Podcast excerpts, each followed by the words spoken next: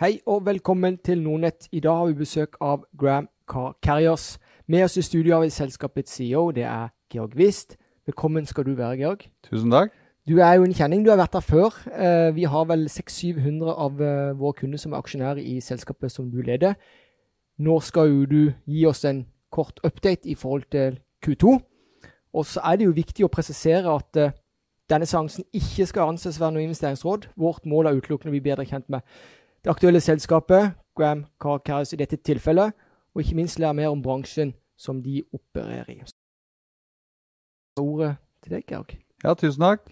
Eh, god morgen til alle Nordnett-seere eh, og lyttere. Det er en glede å få lov å komme og presentere oss nok en gang her på denne kanalen.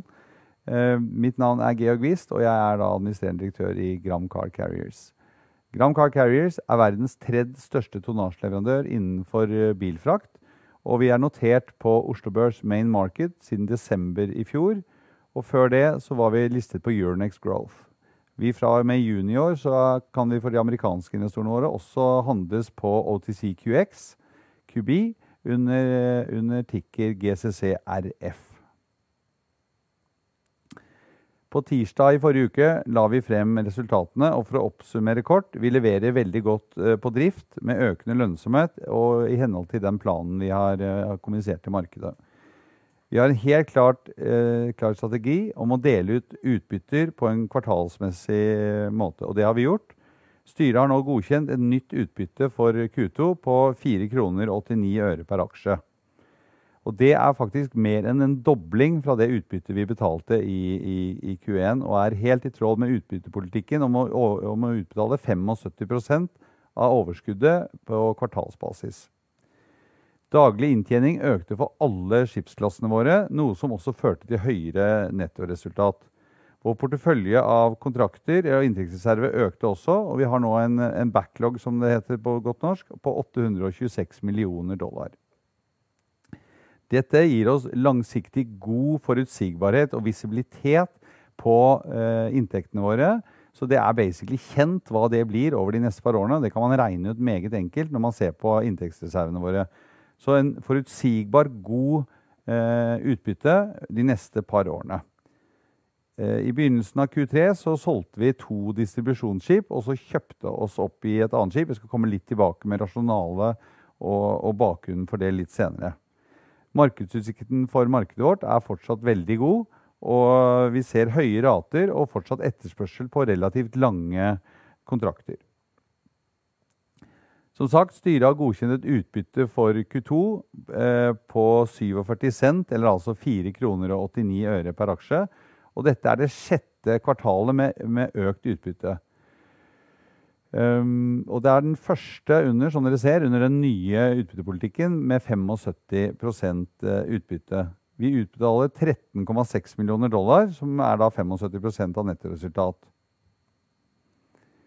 Markedet for bilskip eh, er veldig sterk, og den økende etterspørselen fra sluttbruker og markedet forventes å være tilbake på før pandeminivåer i 2024. Så vi har enda, vi har fortsatt et Eh, et noe lavt salg i verden, eh, tross at vi har et sterkt marked. Og det er fordi at tonnasjebalansen i markedet er negativ. Og med våre modeller så vil, mener vi at det vil vedvare et par år til. Dette har da resultert i eh, tidenes høyeste marked. Nå har det riktignok eh, eh, flatet ut, men på veldig, veldig hyggelige nivåer. Kort litt om, eh, om, tallene. Omsetningen i Q2 på 48,4 millioner er opp fra 41 millioner i første kvartal. Ebitda ble på 32,9 millioner, opp fra 27,7 i første kvartal. Og en liten nedgang i inntektsreservene, og det er rett og slett fordi vi ikke har booket noen nye kontrakter, så man har egentlig bare eh, samlet inn det man, man hadde i, innenfor kvartalet. Eh, kostnadssiden holder seg helt stabil. Det er altså vår cashflow break even. Det er hva det koster med, med det hele å drive med rederiet. Det er 16 950 per dag. Eh, her har vi både fått noen besparelser ved at vi har fått lavere marginer på lånene våre, men så har jo det, eh, det blitt spist opp av økende generelle renter. SOFOR, som alt er basert på, har jo tilsvarende steget. Så det har blitt nøytralt. Gram Car Carriers vi er et sterkt eh, bransjenavn. Det er et rendyrket bilskipsrederi som har holdt på med, med bilskip i over 40 år. Vi har omfattende erfaring med charting av skip til alle de store globale operatørene og regionale operatørene worldwide. Og du ser logoene til våre store kunder eh, på, på, på sliden her. Vi har hovedkontor i Oslo, og sammen med kontoret vårt i Singapore driver vi en moderne, effektiv eh, flåte. Som jeg sa, Vi er notert på Oslo Børs siden 2022 og uh, etter en opplysning fra Euronex Growth, og er notert på OTCQX med ticker GCCRF. Vi er en del av den store uh, bilindustrien, som er en av verdens største industrier. Vi leier ut våre skip til operatørene, som igjen har volumkontrakter med produsentene.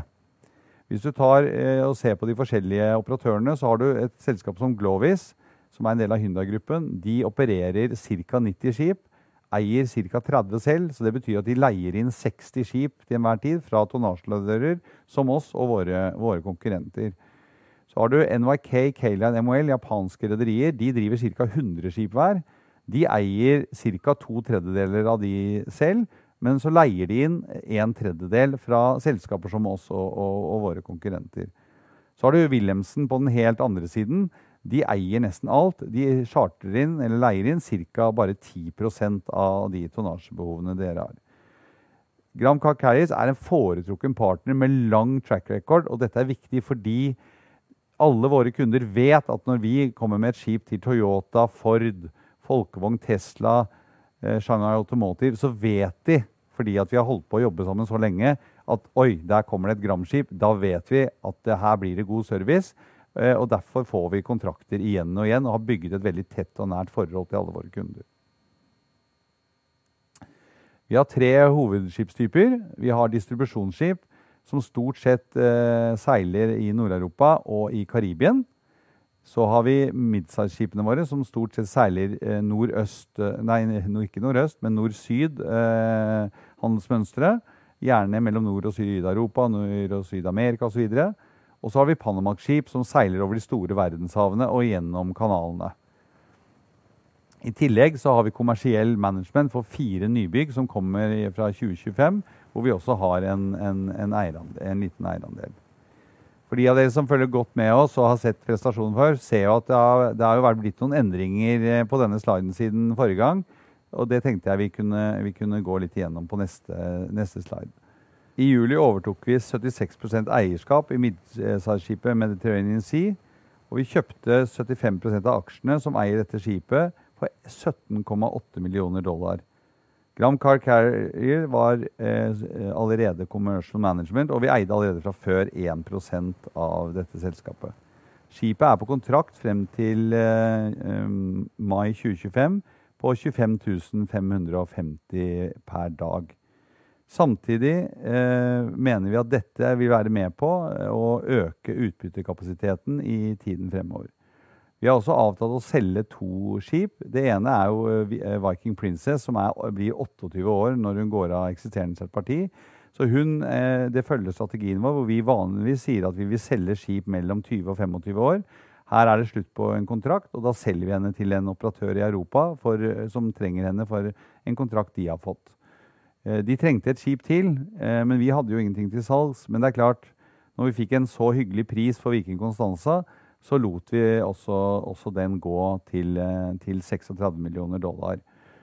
Eh, når man ser på dette isolert sett, slik vi tenker på det, er at det er priser vi selger på. Vi har altså solgt et 2000-kapasitet eh, distribusjonsskip bygget 2010 for 36 millioner dollar. Og så har vi kjøpt et midsize-skip med 5000 kapasitet, bygget 2010, for 32 millioner dollar. Så dette underbygger strategien om at det er priser vi selger på, og det er priser vi kjøper på, og vi er der for å maksimere Eh, utbytte for, eh, for eh, våre aksjonærer. Q2 har vært nok et kvartal med økt topplinje og inntjening. Gjennomsnittlig timecharter for flåten vår er 28.770 dollar i Q2, som er opp 3150 dollar sammenlignet med Q1. Og dette er følge av høyere gjennomsnittlig dagrater for alle skipstyper. Vi har god kontroll på driftsutgiftene, som utvikler seg i tråd med, med våre forventninger. Vi har bokført ca. 1 million dollar i engangskostnader knyttet til operasjonen i, i Q2. Disse, men dette påvirker ikke en flåteutnyttelse som dere kan se, som var på 99% Vi venter driftskostnader på 6000 for distribusjon, 7000 for Panamax og Midsize for resten av eh, året. Vi hadde som sagt en 99% utnyttelsesgrad. Og det eneste som var eh, å si om det, er at vi hadde et par dokkinger, og de er i henhold til budsjett. Viking Bravery var også, var også inne for en dokking og montering av en exhaust scrubber eh, i forbindelse med at hun går inn på en ny femårskontrakt. Eh, dette har vært eh, on budget og faktisk litt eh, før tiden. Så veldig fornøyd med den installasjonen. Som et resultat også av en hendelse vi hadde på, på distribusjonsskipet Høg Karibia, som var i, i, juli, så forventer vi ca. 30 dager off-fire på, på, henne for å utføre reparasjoner i, enten i Q3 eller om vi får dyttet det helt til Q4.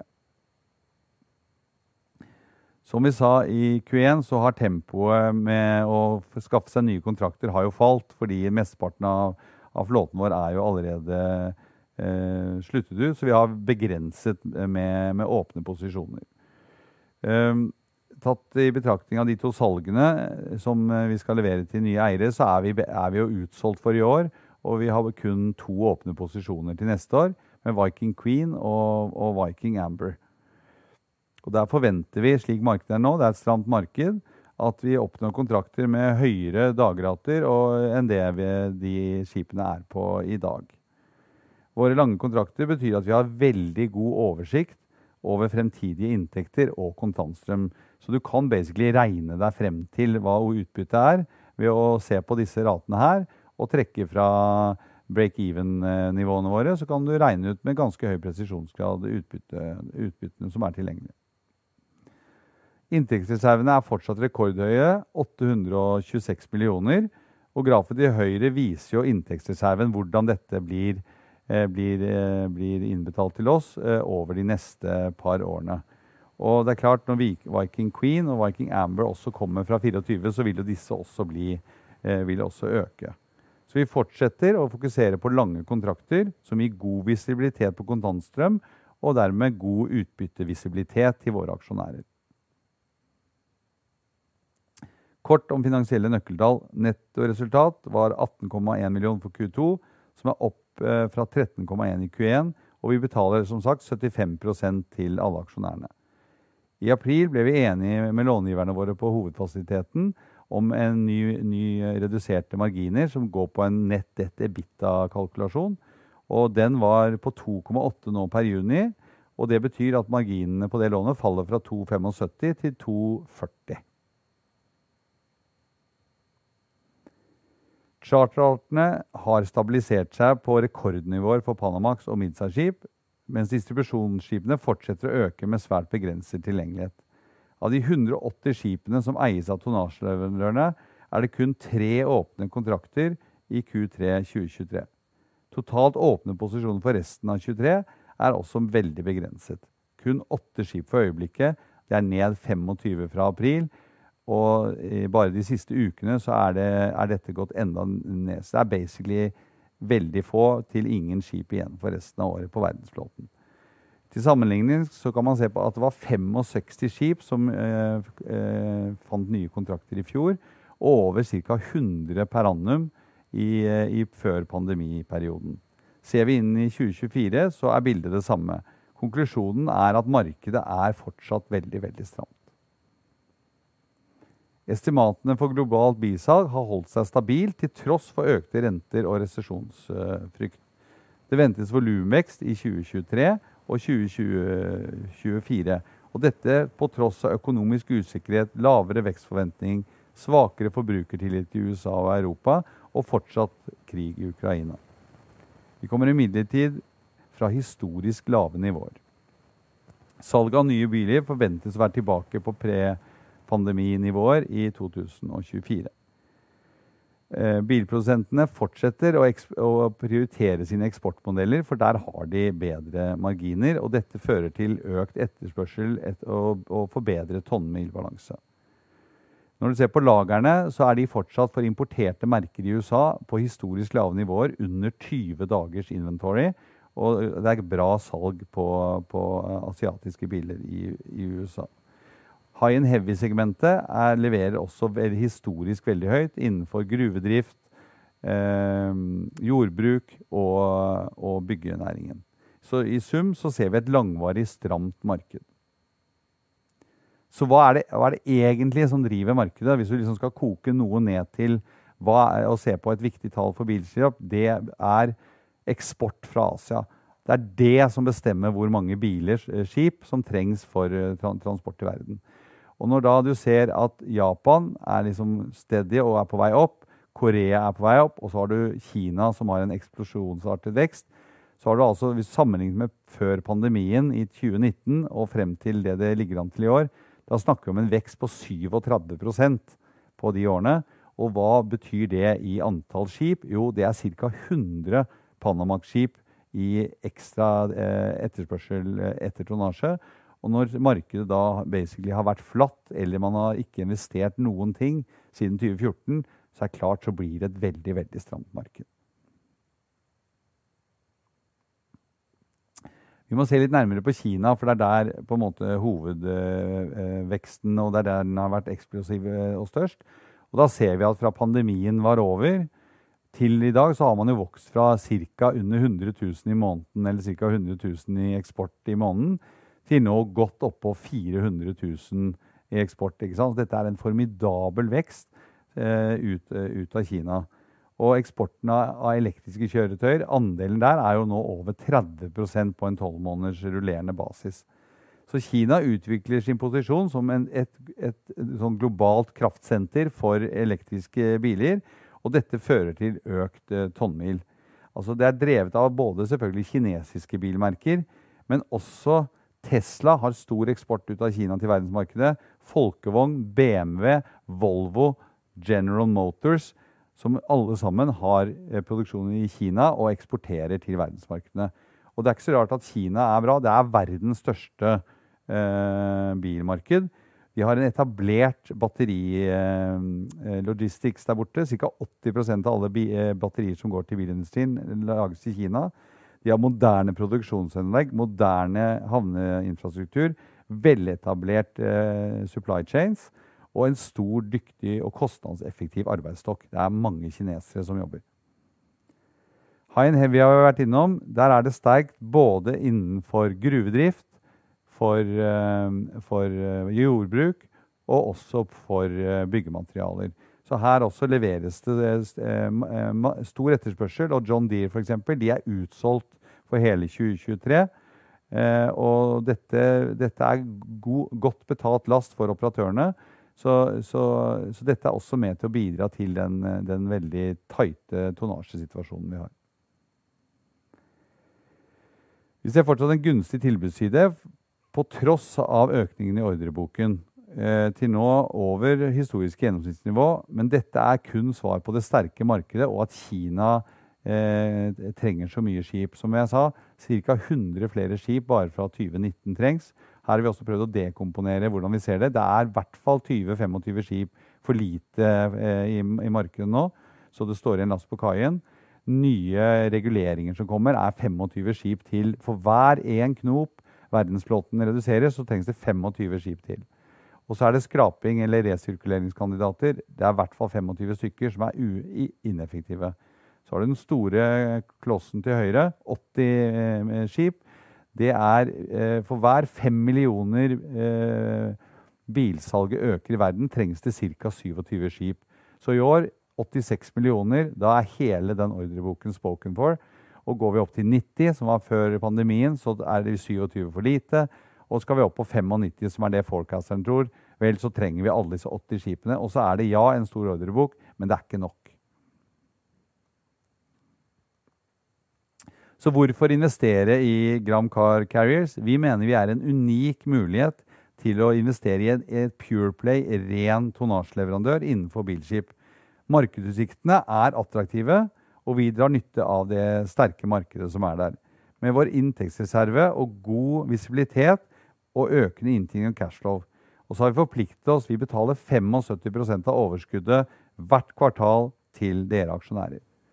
Tusen takk skal dere ha for at dere hører, og tusen takk for at uh, jeg får lov å presentere oss. Det er, det er veldig hyggelig. Ja, eh, bra gjennomgang av Q2. Det er jo alltid hyggelig å få shippingselskap på besøk, for det skjer jo noe tilsynelatende fra kvartal til kvartal. Det gjør det. Det gjør det. Eh, det Vi skal gjøre nå, vi skal ta en eh, kort pause, så skal vi komme tilbake med en oppfølgende Q&A. Så det er bare å henge på. Hei og velkommen til Nordnett. I dag har vi besøk av eh, Graham Car Carriers. Med oss i studio har vi selskapets CEO. Det er Georg Wist. Velkommen skal du være. Tusen takk. Det vi nå skal gå gjennom, det er en oppfølgende Q&A. Eh, du har nettopp presentert Q2-tallene her. De ble nylig sluppet. Eh, nå skal vi gå litt mer i dybden på og kanskje forstå mer om industrien. Absolutt. Eh, det tror jeg det er mange av våre kunder, seere og lyttere som er interessert i. Viktig å presisere også, før vi eh, går i gang, at denne seansen ikke skal oppfattes som investeringsråd. Altså Vårt eneste mål er å lære mer om selskapet, det aktuelle selskapet, og ikke minst industrien som, som, som det opererer i. Så Georg, så la oss hoppe rett i det. Altså, jeg jeg kommer jo fra en Buffett-verden, og da liker jeg å snakke om uh, moat, eller på norsk kalles det vollgrave. Hva er det altså det For det er, jo, det er jo ikke noen klare inngangsbarriere i dette markedet. Men, men uh, hva er det som gjør at du uh, holder konkurrentene på avstand, eller er det i det hele tatt mulig i, i, i bransjen som, som dere opererer innen? Ja, det, altså det, eh, det, er jo Det er faktisk, når man ser på generelt hvis man sammenligner med andre shippingsegmenter, så det å operere i bilsegmentet har noe høyere barrierer enn en annen type skipsfrakt. Og det er rett og slett fordi at vi skiver jo en bil, og den er ganske sånn eh, eksponert når den sitter om bord. Den er ikke beskyttet av masse ting, så den må jo komme frem, se pen ut. Eh, det må jo lukte nytt. Man vil jo ikke at det skal lukte som gamle sjøfugler og og, og, og den type ting. Så, så, det er litt vanskeligere. Og, så er de Bilprodusentene er ganske sære. De, de, stiller veldig veldig sterke krav til operatørene. Og, vi må levere på vegne av operatørene. Og dette har vi da bygget opp vårt rykte, vår ekspertise, over 40 år. Så det er klart at det operatørene våre kunder vet, er at når de, når de har en kontrakt med Gram, så er de veldig avslappet fordi at vi har levert et konsistent kvalitetsprodukt over alle disse årene. Så det å komme inn og bare gå ut og kjøpe noen bilskip og gå inn, det er ikke lett, fordi du har ikke noen track record, og du får ikke track record uten å ha hopprørt osv. Så, videre, og så, så så det er litt vanskeligere. Eh, men det er klart, det er veldig viktig å være kundefokusert og være kvalitetsbevisst. Og ligge i, i forkant på design når du designer nye skip osv. Så, videre. så Så dette har jo vi da folk hos oss som har jobbet 30-40 år i industrien. Bodd i Japan, vært nære på kundene der. Eh, så dette er noe som er bygget opp, og som er liksom vår, vårt value add da, mm. utover det å bare kjøpe stål. Ja, Så dette blir kredibilitet, det er en lang historie eh, og sånne ting. Og det, da må du bare ta tid til hjelp, rett og slett. Ja. ja. Er, det, er, det, sånn i egentlig alle shippingsegmenter? Hvis det, bare Nei, det er jo ikke det. ikke sant? For Hvis du tar noe enkelt som bulk og iron ore da, ikke sant? Det, altså, dette, dette, støvet altså det, det er jo det, det er jo ingen som ser forskjell på det når det kommer frem. Så, så, det, så, det, er noe mer kompleksitet, og du må ha mer attention to detail og, og, og være enda mer på, da. Mm. Og nettopp, Så det betyr at kanskje nøkkelen ligger i at dette er et sluttprodukt som leveres, rett og slett? Det er akkurat det. ikke ja. sant? Dette er et sluttprodukt, og det skal se ut som et sluttprodukt mm. også. Mm. Du, eh, når det er sagt alt. Altså investoren, hva er de opptatt av? Sant? Det er jo avkastning. Eh, og i shipping så er det jo selvfølgelig utbytte. Kapasitet og eh, kanskje stabilitet òg, eh, som er viktig. Og, eh, nå betaler dere ut er det 75 ja. av eh, nettofortjeneste. Kan du, kan du, gi oss litt sånn eh, kjøtt på beinet i forhold til hvordan dere tenker når dere distribuerer kapital? Er det tilbakekjøp av aksjer? Er det bare utbytte som gjelder? Hva er det? Er det ja, kan, kan, du, kan, du, gi oss litt mer inputs? Ja, nei, eh, absolutt. Eh, så, så, det er klart at Vi økte jo utbyttegraden fra 50 til 75% og Da var det jo ekstremt viktig for oss at vi prøvde, prøvde å angripe hva kunne gå feil. For det er klart at det å betale 75% da betaler jo det meste tilbake til aksjonærene. Og da må vi være helt sikre på at kontraktsbasen holder, at, at, vi er komfortable med den tekniske standen. Hva er det vi ikke ser? Eh, prøve å stressteste det. Og vi har stresstestet fra mange vinkler, men veldig komfortabel med, med å ende på en utbetalingsgrad på 75 Nettopp. Og en annen ting er vel også kanskje at eh, når det er nedtur i en syklisk industri som shipping er, ja. brukes det gjerne mer penger på som, ja, kjøpe billige båter, eller jeg vet ikke. Eh, ja, det kan du si. Men, kanskje. Eh, kanskje, men, men vi, er, vi, er, jo, som jeg, som jeg, håper kommer igjennom når jeg forklarer i dag altså, Det er jo priser vi kjøper på, og det er priser vi selger på. Og, det, og liksom det, det liksom, Nummer én-testen som vi alltid gjør, er er det nøytralt eller, eh, eller stigende eh, utbyttekapasitet ved å gjennomføre en transaksjon. Og det, den står bare påle støtt. Liksom. Vi, vi, gjør ikke en transaksjon som betyr at aksjonærene får mindre utbytte. Det, det, det står ekstremt sterkt, og det mener vi er riktig. For hvis, for hvis, ikke så er det ikke en, eh, en god transaksjon. Da kan vi heller bevare det vi har, og foredle det vi har. Mm. Du, La oss snakke litt om eh, det å styre både gjeldsgrad og eh, komme gjennom eh, opptur og nedturer. For dette er jo et volatilt marked, eh, uansett hvordan vrir vender på det. Selv om du for tid og stunder kan tegne lange kontrakter, eh, gode kontrakter. Men hva er filosofien rundt, uh, rundt det å ja, kunne håndtere gjelda gjennom en sykkel? Kan du ja. ja. ja. dette handler jo om break even. Det er det det handler om. Altså, hva er din cashflow break even, og hvor sustainable er den gjennom en sykkel? Og den gjeldsgraden vi har nå, matcher veldig godt med den porteføljen vi har med helt forutsigbar kontantstrøm. Og den er også da satt opp slik at når, vi kommer eh, på slutten av disse kontraktene, så har vi veldig lite gjeld igjen. Og i 2028 så har vi ingen gjeld igjen, eh, eh, slik det ser ut nå. Og da er det klart at da får vi jo en veldig, veldig lav cashflow break-even, som betyr at som du sier, selvfølgelig kommer markedet ned, men da er også vår kostnadsbase kommet såpass mye ned. Og så kan vi jo fortsette å betale disse hyggelige sjekkene hvert kvartal til aksjonærene våre. Så vi tar liksom toppen av markedet ned med gjelden, og så kan vi fortsatt ha kanskje tilnærmet lik delta going forward. Og da kan vi fortsette med de hyggelige utbyttene.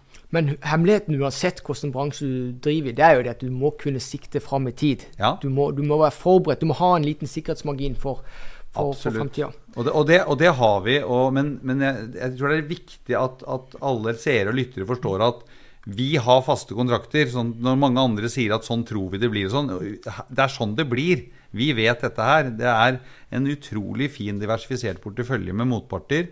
Det er sterke, store industrinavn som har lange, sterke kontrakter med bilprodusentene. Og historisk, altså default eller kansellering av kontrakter, det er jo non-existent. Sånn at det er annerledes dette når du er en del av logistikksystemet til en stor uh, verdensledende bilindustri. Mm. Nettopp, og det betyr at, for det var jo mitt oppfølgingsspørsmål, dere har jo en rekordhøy backlog. Ja. Eh, og du, som, ja, du har jo allerede svar på det. det er, jeg er litt interessert i at kan ting gå galt? Men ja. det jo, det, selvfølgelig kan vel alt, alt kan jo gå galt, uh, men det er ikke sånn kontraktene her er skrudd sammen på. Nei, exactly. Mm. Altså, det, det, er, det, er, ikke sånn kontrakt, det er ingen åpning for de kontraktene. Og det er heller ingen historikk blant de store, seriøse operatørene ja. til å drive med den type. Fordi vi lever i en symbiose sammen, eh, opp og ned, og jobber godt sammen. Eh, så derfor eh, er det basically ingen default på, på, den type kontrakter. Og det ser vi ingen grunn til at det egentlig skal endre seg i, i fremtiden. Mm. Du, altså, hvis vi ser litt på verdensøkonomien, noe som, som det preger jo de fleste industrier. Mm. På godt og vondt. Men veksten i verdensøkonomien den er jo egentlig relativt lav. Ja. vi går kanskje litt for halv maskin. Inflasjonspresset har vært høyt. Har kanskje kommet godt, godt ned i det siste. Hvordan påvirker disse herrene veksten globalt dere, og eventuelt eh, inflasjonspresset?